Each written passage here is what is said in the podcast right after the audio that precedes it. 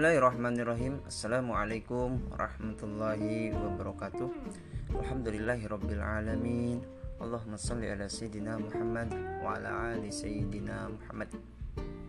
Alhamdulillah pada kesempatan ini kita dapat bertemu kembali. Nah, Walaupun hanya sifatnya online ya mas ya. Tapi tidak tetap tidak mengurangi rasa semangat kita ya Untuk terus sama-sama bertanggung jawab uh, kalian sebagai mahasiswa mahasiswi maupun sebagai dosen pengampu untuk sama-sama menyelesaikan tanggung jawab kita dalam mata kuliah sistem informasi manajemen. Yang pertama uh, kita di pertemuan kelima ya yaitu pembahasan oleh kelompok tiga ya mengenai komponen sistem informasi manajemen. Nah, tidak lupa pula Bapak ucapkan terima kasih kepada pemateri. Yang pertama itu ada Saudara Muhammad Askalani Haitami, kemudian ada Saudari Laila Kamaria dan Saudari Rizkatun Hasanah. Dan juga Bapak ucapkan terima kasih juga kepada kawan-kawan yang telah uh, bertanya, baik bertanya ataupun memberikan masukan dan hal lainnya uh, dalam artian untuk Bapak mengisi absensi kehadirannya ya.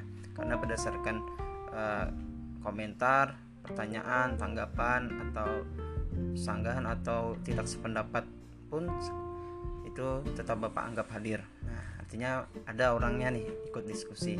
Kalau tidak ada sama sekali, mohon maaf uh, di absensinya tidak Bapak ini ya, tidak Bapak absen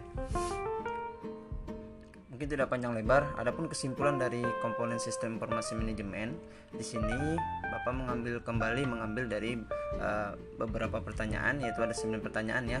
Nah, dan 9 pertanyaan ini saling keterkaitan antara satu dengan lainnya. lainnya. Nah, mungkin secara umum saja.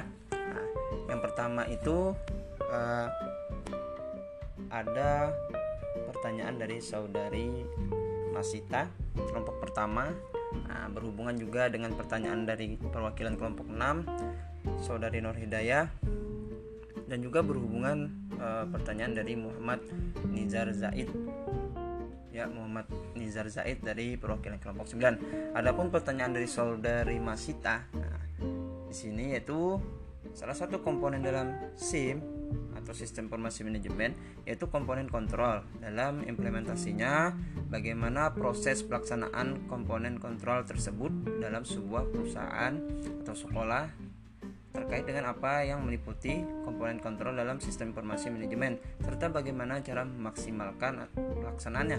Kemudian e, pertanyaan dari saudari Nur Hidayah perwakilan kelompok berapa ya? 5 ya? 5 atau 6? 5, 5 ya. Sorry, dari kelompok 5 yaitu bagaimana cara pengendalian dalam komponen kontrol agar dapat mengatasi semua permasalahan yang terjadi pada kerusakan sistem informasi. Nah, kemudian ada pertanyaan dari Muhammad Nizar Zaid, perwakilan dari kelompok 9 yaitu bagaimana mekanisme dari kontrol terhadap bencana.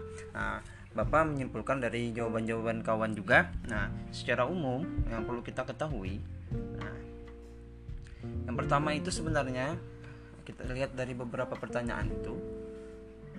Nah seharusnya kita bisa membedakan ya antara uh, apa antara komponen sistem informasi dengan komponen sistem informasi manajemen. Nah itu berbeda. Jadi ada komponen sistem informasi dan ada komponen sistem informasi manajemen. Nah terkadang ada pertanyaan nah, yang ditanyakan ini ternyata komponen milik komponen sistem informasi tetapi dia menanyakan komponen sistem informasi manajemen. Nah jadi itu harus ya, dibukalah kembali ininya referensinya. Yang mana komponen sistem informasi dan yang mana komponen sistem informasi manajemen. Nah mungkin secara uh, tidak panjang lebar Bapak menyampaikan kesimpulan dari beberapa pertanyaan tadi. Ada tiga penanya yang saling keterkaitan ya Nah, perlu kita ketahui komponen kendali. Nah, di sini juga sebenarnya sudah dijawab oleh pemateri ya, cuma kan kita uh, menyimpulkan lah secara umum. Komponen kendali, nah, beberapa pengendalian yang dirancang secara khusus untuk menanggulangi gangguan-gangguan terhadap sistem. Nah, kemudian ada komponen terakhir yang harus ada dalam sistem informasi adalah komponen kontrol. Nah, berarti ini komponen kontrol ya. Nah, dalam sebuah sistem ada banyak faktor yang berisiko untuk merusak sistem informasi. faktor-faktor seperti apa ya seperti bencana alam ya, ini kan sudah disebutkan nih oleh pemateri jawabannya temperatur debu hingga kegagalan dalam sistem berpotensi merusak sistem informasi nah, untuk itu kita tetap membutuhkan pengendalian untuk apa? Untuk menghindari risiko kerusakan sistem. Nah komponen kontrol inilah yang punya tugas tersebut. Nah, kemudian juga dalam komponen kontrol terdapat beberapa pengendalian yang harus dirancang. Nah pengendalian ini disusun untuk memastikan bahwa tidak ada hal-hal yang bisa merusak sistem. Kalaupun ada sistem kontrol harus punya solusi untuk mengurangi dampak kerusakannya. Nah, dengan adanya sistem kontrol ini setidaknya mengurangi dampak kerusakan ya. Nah, tidak kalah penting dengan komponen sistem, sistem informasi lainnya karena komponen kontrol juga sangatlah penting perannya untuk menjaga dan juga memastikan bahwa sebuah siklus sistem informasi akan dapat berjalan dengan lancar dan juga tepat sasaran serta bermanfaat bagi pengguna atau user lainnya ya. Nah, Kemudian ada beberapa cara yang bisa kita lakukan untuk melengkapi sebuah sistem informasi dengan komponen kontrol seperti Nah, ini ada tadi pertanyaannya kan bagaimana caranya nih? Yang pertama, misalnya menginstal software antivirus dan juga anti malware ya agar sebuah software, data dan juga isi dari sebuah sistem terhindar dari serangan virus. Nah, itu yang pertama. Kemudian melakukan perawatan berkala nah, terhadap hardware sistem informasi tadi tersebut ya atau yang disebut dengan maintenance kemudian juga selalu menjaga keseluruhan perangkat keras sistem informasi dari kemungkinan bahaya seperti nah ini kebakaran, kebanjiran dan juga kerusakan lainnya. Nah, sebenarnya kalau e, bencana ini kita tidak tahu ya kapan datangnya, cuma kita ya itulah be, apa namanya? bersiap-siap dalam artian berja, berjaga ya Nah, kemudian melakukan potensi nah, berupa PIN atau paspor pada bagian-bagian vital komponen sistem informasi agar tidak disalahgunakan. Nah, jadi artinya di setiap uh, kepentingan kita memiliki uh, apa kayak semacam komputer atau laptop ya. Nah, itu perlu misalnya nanti di suatu organisasi atau apa karena takutnya nanti disalahgunakan lah apalagi misalnya uh, didapat apa dicuri misalnya kan atau dirampok lah bahasa kasarnya. Nah itu kan supaya menghindari itu kita perlu itu juga. Perlu pin atau apa kecuali ya memang hacker yang memang luar biasa ya yang bisa meretas. Kan pin atau pas password pun bisa didapatkannya. Ya mudahan kita terhindarlah dari hal-hal yang seperti itu Kemudian juga komponen kontrol ini ditujukan untuk mengontrol dan juga mengawasi jalannya sebuah sistem dan apa mencegah terjadinya hal-hal yang dapat mengganggu sebuah sistem yang berjalan baik dari segi fisik maupun non fisik. Ya. Nah, kemudian ada contoh dari tiga penanya tadi. Nah, mungkin ada yang menanyakan bagaimana yang tentang bencana ya. Nah, misalnya kita yang kita ketahui itu ada uh, apa? Ini pertama itu ada sistem penerima peringatan. Nah, atau disebut juga warning reservoir system atau disingkat ya WRS nah, apa itu? Nah, itu adalah salah satu alat diseminasi informasi gempa bumi. Nah, dan peringatan dini tsunami serta informasi BMKG atau Badan Meteorologi Klimatologi dan Geofisika lain yang digunakan BMKG pusat untuk menyebar luaskan informasi kepada lembaga perantara interface institution yang termasuk ke dalam lembaga perantara adalah di antaranya pemerintah daerah, provinsi atau kabupaten, nah, serta apa nih pusdalops, media atau stasiun televisi dan radio dan pihak swasta. Nah ini salah satu uh, apa namanya salah satu yang berhubung apa salah satu yang berhubungan juga dengan manajemen kontrol ya. Artinya kita sudah ada kan yang seperti kita lihat eh, contoh-contoh yang apa BMKG kan mereka ada alatnya itu pasti semuanya terhubung dengan komputer. Nah, artinya kita mengetahui di situ bagaimana statistik statistik yang misalnya yang ini berpotensi ini kemudian kita harus bersiap-siap nah, bers apa siaga kemudian juga ada radar atau yang dalam bahasa Inggrisnya itu uh, merupakan singkatan dari radio detection and ranging ya. Uh, positioning nah, yang berarti deteksi dan penja apa penjarakan radio adalah suatu sistem gelombang elektro elektromagnetik yang berguna untuk mendeteksi, mengukur jarak dan membuat map benda-benda seperti pesawat terbang, nah, kendaraan bermotor dan informasi cuaca. Kemudian panjang gelombang yang dipancarkan radar intervariasi mulai dari milimeter hingga meter. Gelombang radio atau sinyal yang dipancarkan dan dipantulkan dari suatu benda tentu akan di apa ditangkap oleh radar. Dengan menganalisis sinyal sinyal tadi yang dipantulkan, nah ini yang Bapak maksud tadi Sinyal yang dipantulkan tersebut memantulkan sinyal dapat ditentukan lokasinya dan melalui analisis lebih lanjut dari sinyal yang dipantulkan dapat juga ditentukan jenisnya. Meskipun sinyal yang diterima relatif lemah atau kecil, tapi radio sinyal tersebut dapat ya, apa dapat dideteksi dan dapat diperkuat oleh penerima radar. Nah, seperti itu tadi, misalnya pesawat terbang atau apa, itu kan perlu ini. Nah, kadang yang kecelakaan itu pun kehilangan itu kan kita kehilangan inform apa kehilangan titiknya tuh. Sedangkan kita naik pesawat itu.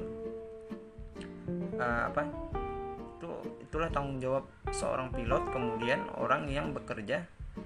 Sebenarnya bukan pilotnya saja tapi orang-orang yang bekerja sehingga yang membuat pesawat itu bisa mengarah misalnya dari Bandara Samsudin Nor kemudian ke Jakarta atau ke Surabaya. Nah itu kan ada arahnya.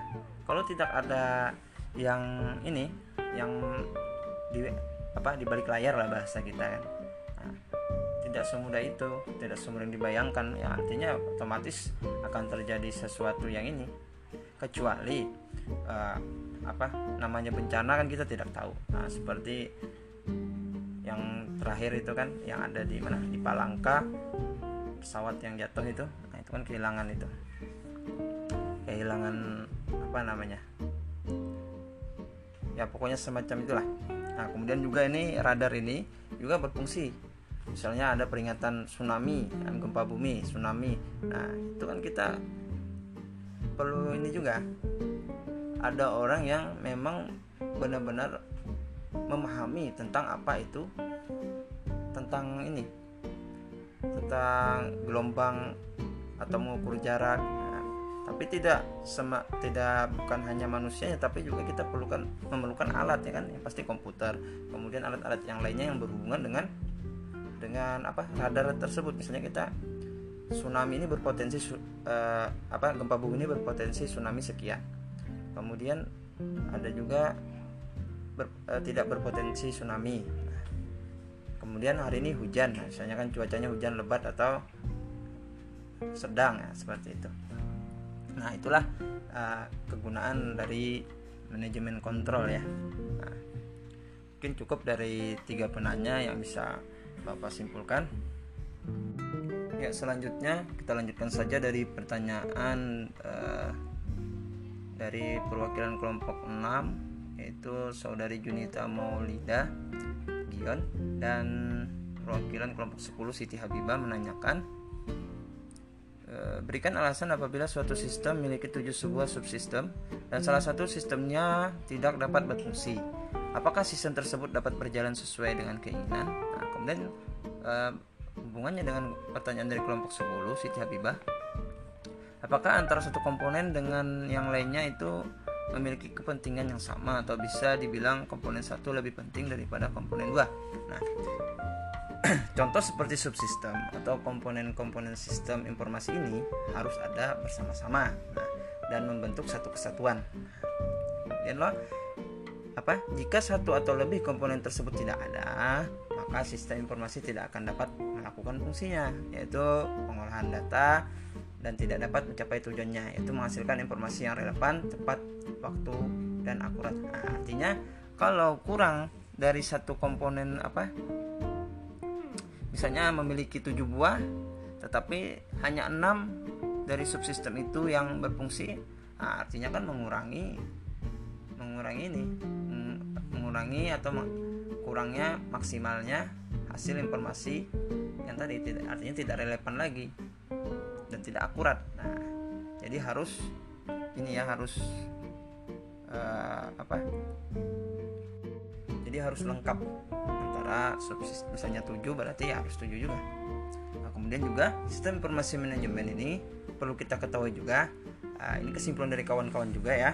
Uh, merupakan kumpulan atau grup dari subsistem atau bagian atau komponen apa pun baik fisik maupun non fisik yang saling berhubungan satu sama lain dan berkenaan dengan pengendalian, pengevaluasian dan perbaikan berkelanjutan atau yang dikatakan pemateri untuk pengambilan keputusan. Itulah fungsi dari nah, itulah kepentingan dari uh, apa sistem informasi tadi ya. Nah, artinya juga uh, semua subsistem atau komponen nah, masing-masing memiliki kepentingan tapi kan uh, di dalam cakupan komponen itu ya tadi semuanya saling berhubungan jadi kalau mengurangi kurang dari satu misalnya ada tujuh tadi kan yang sudah disampaikan sebelumnya berarti itu tadi berarti menghasilkan informasi yang kurang relevan atau tidak akurat. Nah, walaupun semuanya memiliki kepentingan ya seperti itu. Kita lanjut. Dari pertanyaan saudari Rabiatul Husna dari perwakilan kelompok 8 kelompok 8 yang berhubungan juga dengan pertanyaan Muhammad Azidan Nur perwakilan 4 pertanyaan, pertanyaan Rabiatul Husna ini nah, jadi perbaikan seperti apa yang dilakukan apakah terkait dengan SDM sebagai pengendali komponen sistem informasi manajemen tersebut nah kemudian ditambahkan pertanyaan dari Muhammad Aziz dan Nur tingkat urgensi atau komponen sistem informasi dengan hal krusial lainnya seperti SDM terhadap ketercapaian tujuan sebuah organisasi. Nah, di sini dapat kita simpulkan uh, dan terima kasih juga kepada kawan-kawan yang sudah memberikan tanggapannya. kita ketahui, nah, sistem informasi ada juga disebut dengan sistem informasi SDM ya, telah menjadi suatu apa sumber daya manusia telah menjadi suatu acuan untuk mendapatkan jaminan dari tersedianya tenaga kerja yang tepat untuk apa? Untuk menduduki suatu jabatan dan pekerjaan yang tepat dan waktu yang tepat bagi organisasi untuk mewujudkan tujuan dan sasaran perusahaan. Nah, oleh karena itu, perusahaan akan sangat membutuhkan sebuah kinerja dari SDM atau sumber daya manusia yang berkualitas tinggi. Evaluasi terhadap sistem informasi SDM tersebut diperlukan untuk meningkatkan kinerja dari SDM yang dibutuhkan. Nah, meliputi apa? Meliputi kegiatan di dalam internal perusahaan seperti nah ini yang penting. Jadi SDM itu kita sebenarnya dari awal sudah kita tegaskan seperti perekrutan, kemudian ada penyeleksian, pelatihan. Nah, untuk misalnya untuk karyawan baru ya. Kemudian yang perlu kita ketahui sebenarnya SDM ini merupakan sistem informasi yang banyak digunakan dalam bagian personalia ya, misalnya perusahaan. Di mana dengan adanya sistem informasi informasi ini bawahan atau staf personalia ini uh, dapat menganalisa misalnya kita sebut saja profil karyawan dan anggota untuk kepentingan tertentu. Seperti seperti apa misalnya uh, kenaikan jabatan atau penggajian dan hal lainnya ya jadi uh, kembali bapak ingatkan nih artinya kalau kalian pian-pian nantinya memiliki sebuah perusahaan atau apa nah, artinya benar-benar dilihat uh, apa sumber daya manusianya gitu. nah, kalau kita lihat sekarang uh, di zaman sekarang ya kadang orang karena istilahnya dekat dengan pimpinan atau HRD ya sebut saja HRD atau ketua organisasi misalnya dengan dengan mudahnya masuk ke dalam perusahaan tersebut atau organisasi tersebut. Karena kenal karena keluarga atau apa. Atau bahasa bahasanya itu lupa lah. Ya e, bahasanya nepotisme ya. Itu perlu yang perlu yang kita hindar perlu kita hindari. Artinya kalau kita ingin benar-benar ingin memiliki sumber daya manusia yang benar-benar sesuai dengan kebutuhan kita yang kemudian sesuai dengan bidang yang kita perlukan nah itu tadi kita dari awal misalnya kita memiliki perusahaan atau sebuah organisasi kita benar-benar dari awal tadi dari perekrutan itu kemudian penyeleksiannya. Nah kemudian uh, kalau sudah kita seleksi kemudian kita latih kembali untuk lebih memahami apa yang akan di apa apa yang akan dikerjakan di suatu perusahaan tersebut nah pokoknya saat mencari karyawan baru lah sedangkan yang sudah ada di dalam yang belum itu artinya kita tinggal memberikan pelatihan-pelatihan yang mana yang saling berketerkaitan dengan uh, bidangnya masing-masing ya. ya. Kita lanjut saja ke pertanyaan selanjutnya.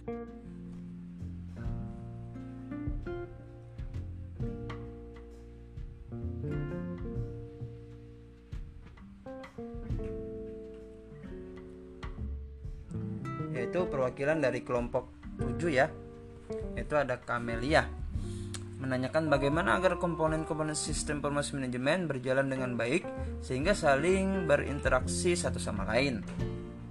Nah, ini sebenarnya sudah saling ini juga ya saling berhubungan aja sebenarnya. Nah, yang perlu kita ketahui di sini Komponen sistem informasi manajemen merupakan seluruh elemen yang membentuk suatu sistem informasi komponen yang ada pada sistem informasi manajemen. Umumnya terbagi menjadi dua macam. Yang pertama itu apa? Komponen sistem informasi manajemen fungsional, kemudian ada komponen sistem informasi manajemen fisik. Nah, ini sudah dibahas juga oleh pemateri ya. Nah, kemudian ada pendukung keberhasilan sistem informasi manajemen. Hal yang membuat sistem ini berhasil adalah cara untuk mengelola dan menerapkannya di semua unit organisasi. Tidak hanya itu saja, ada juga faktor lainnya yang mendukung keberhasilan sistem manajemen ini. Nah, sebelumnya Bapak kembalikan tadi. Jadi ada dua macam. Yang pertama itu ada komponen sistem informasi manajemen fungsional. Nah, itu terbagi lagi.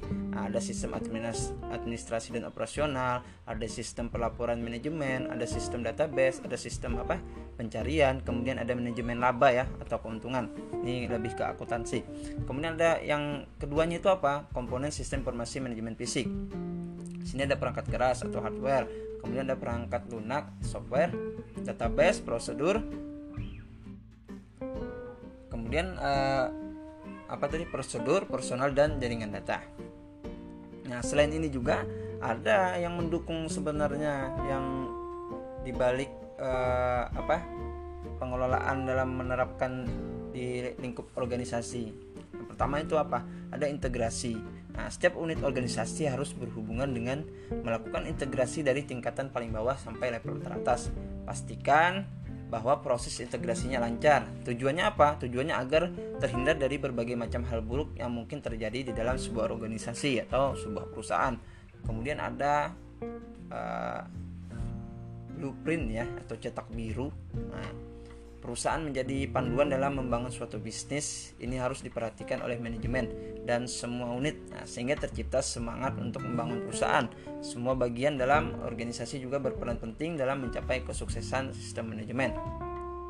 Nah kemudian ada juga perusahaan budaya kerja. Nah, menyesuaikan diri dengan sistem yang baru berarti meninggalkan zona nyaman yang selama ini sudah dikenal. Nah, manajemen perlu untuk terus memperhatikan budaya kerja yang ada agar dapat mengarahkan pelaksanaan sistem supaya mereka mau belajar hal baru sehingga menyesuaikan diri. Artinya di sini kita mengikuti perkembangan zaman.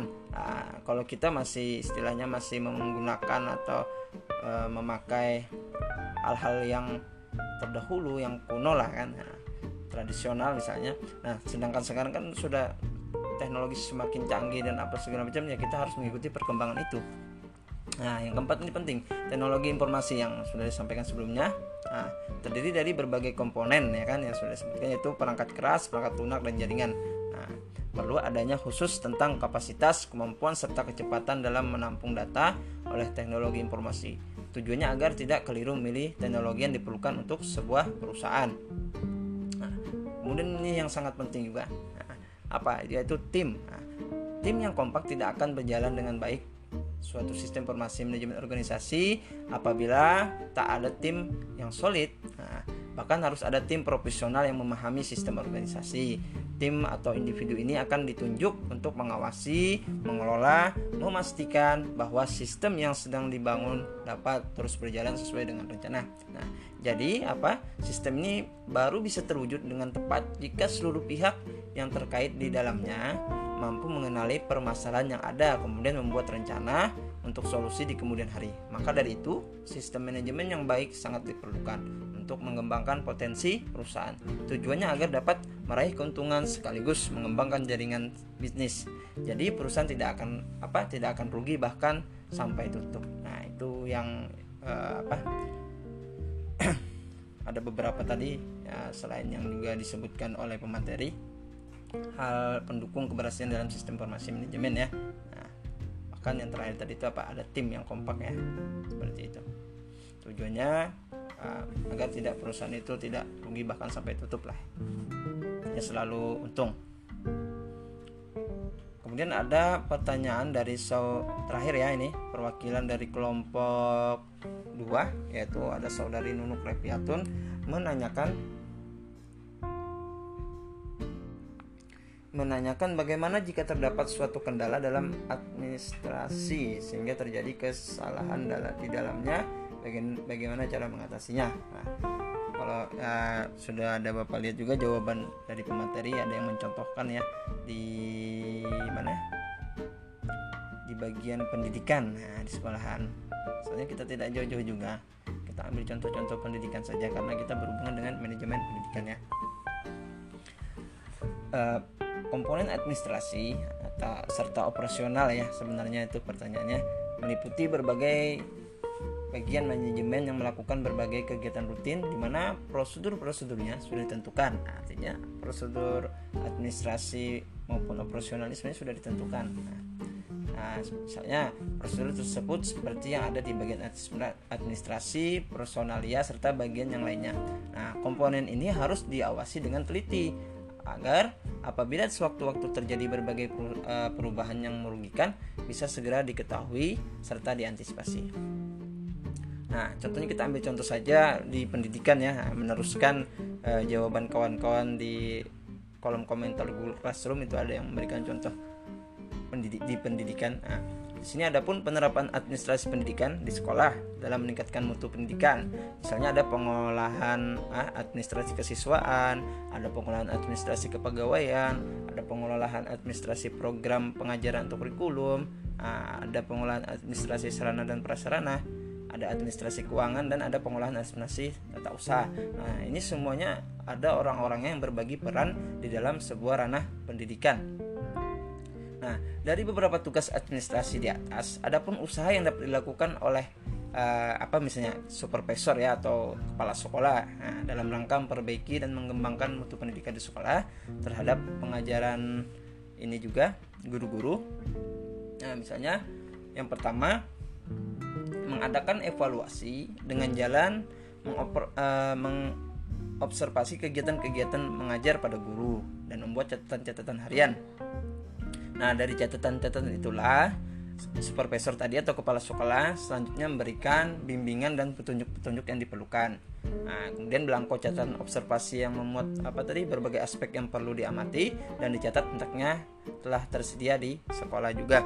Nah, kemudian juga memberikan kesempatan kepada guru untuk mengadakan observation visit atau kunjungan observasi yakni mengikuti demonstrasi mengajar yang selalu dilakukan oleh guru yang telah berpengalaman yang kemudian dilanjutkan dengan diskusi antara mereka. Nah, jadinya setiap guru itu juga memiliki uh, apa kelompok ya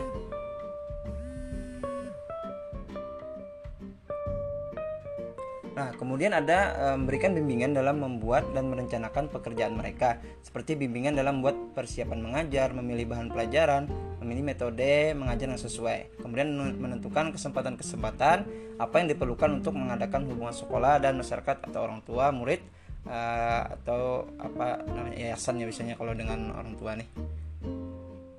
Pihak yayasan sekolah misalnya e, mengadakan acara apa misalnya gitu jadi dipanggil pihak yayasan nah cara-cara kemudian ada juga cara-cara menggunakan alat-alat peraga dalam mengajar cara membuat dan menyusun tes atau soal-soal ulangan nah ini lebih ke kurikulum juga uh, penyusun ini misalnya administrasi dalam rangka mengevaluasi hasil belajar murid-murid dan sebagainya.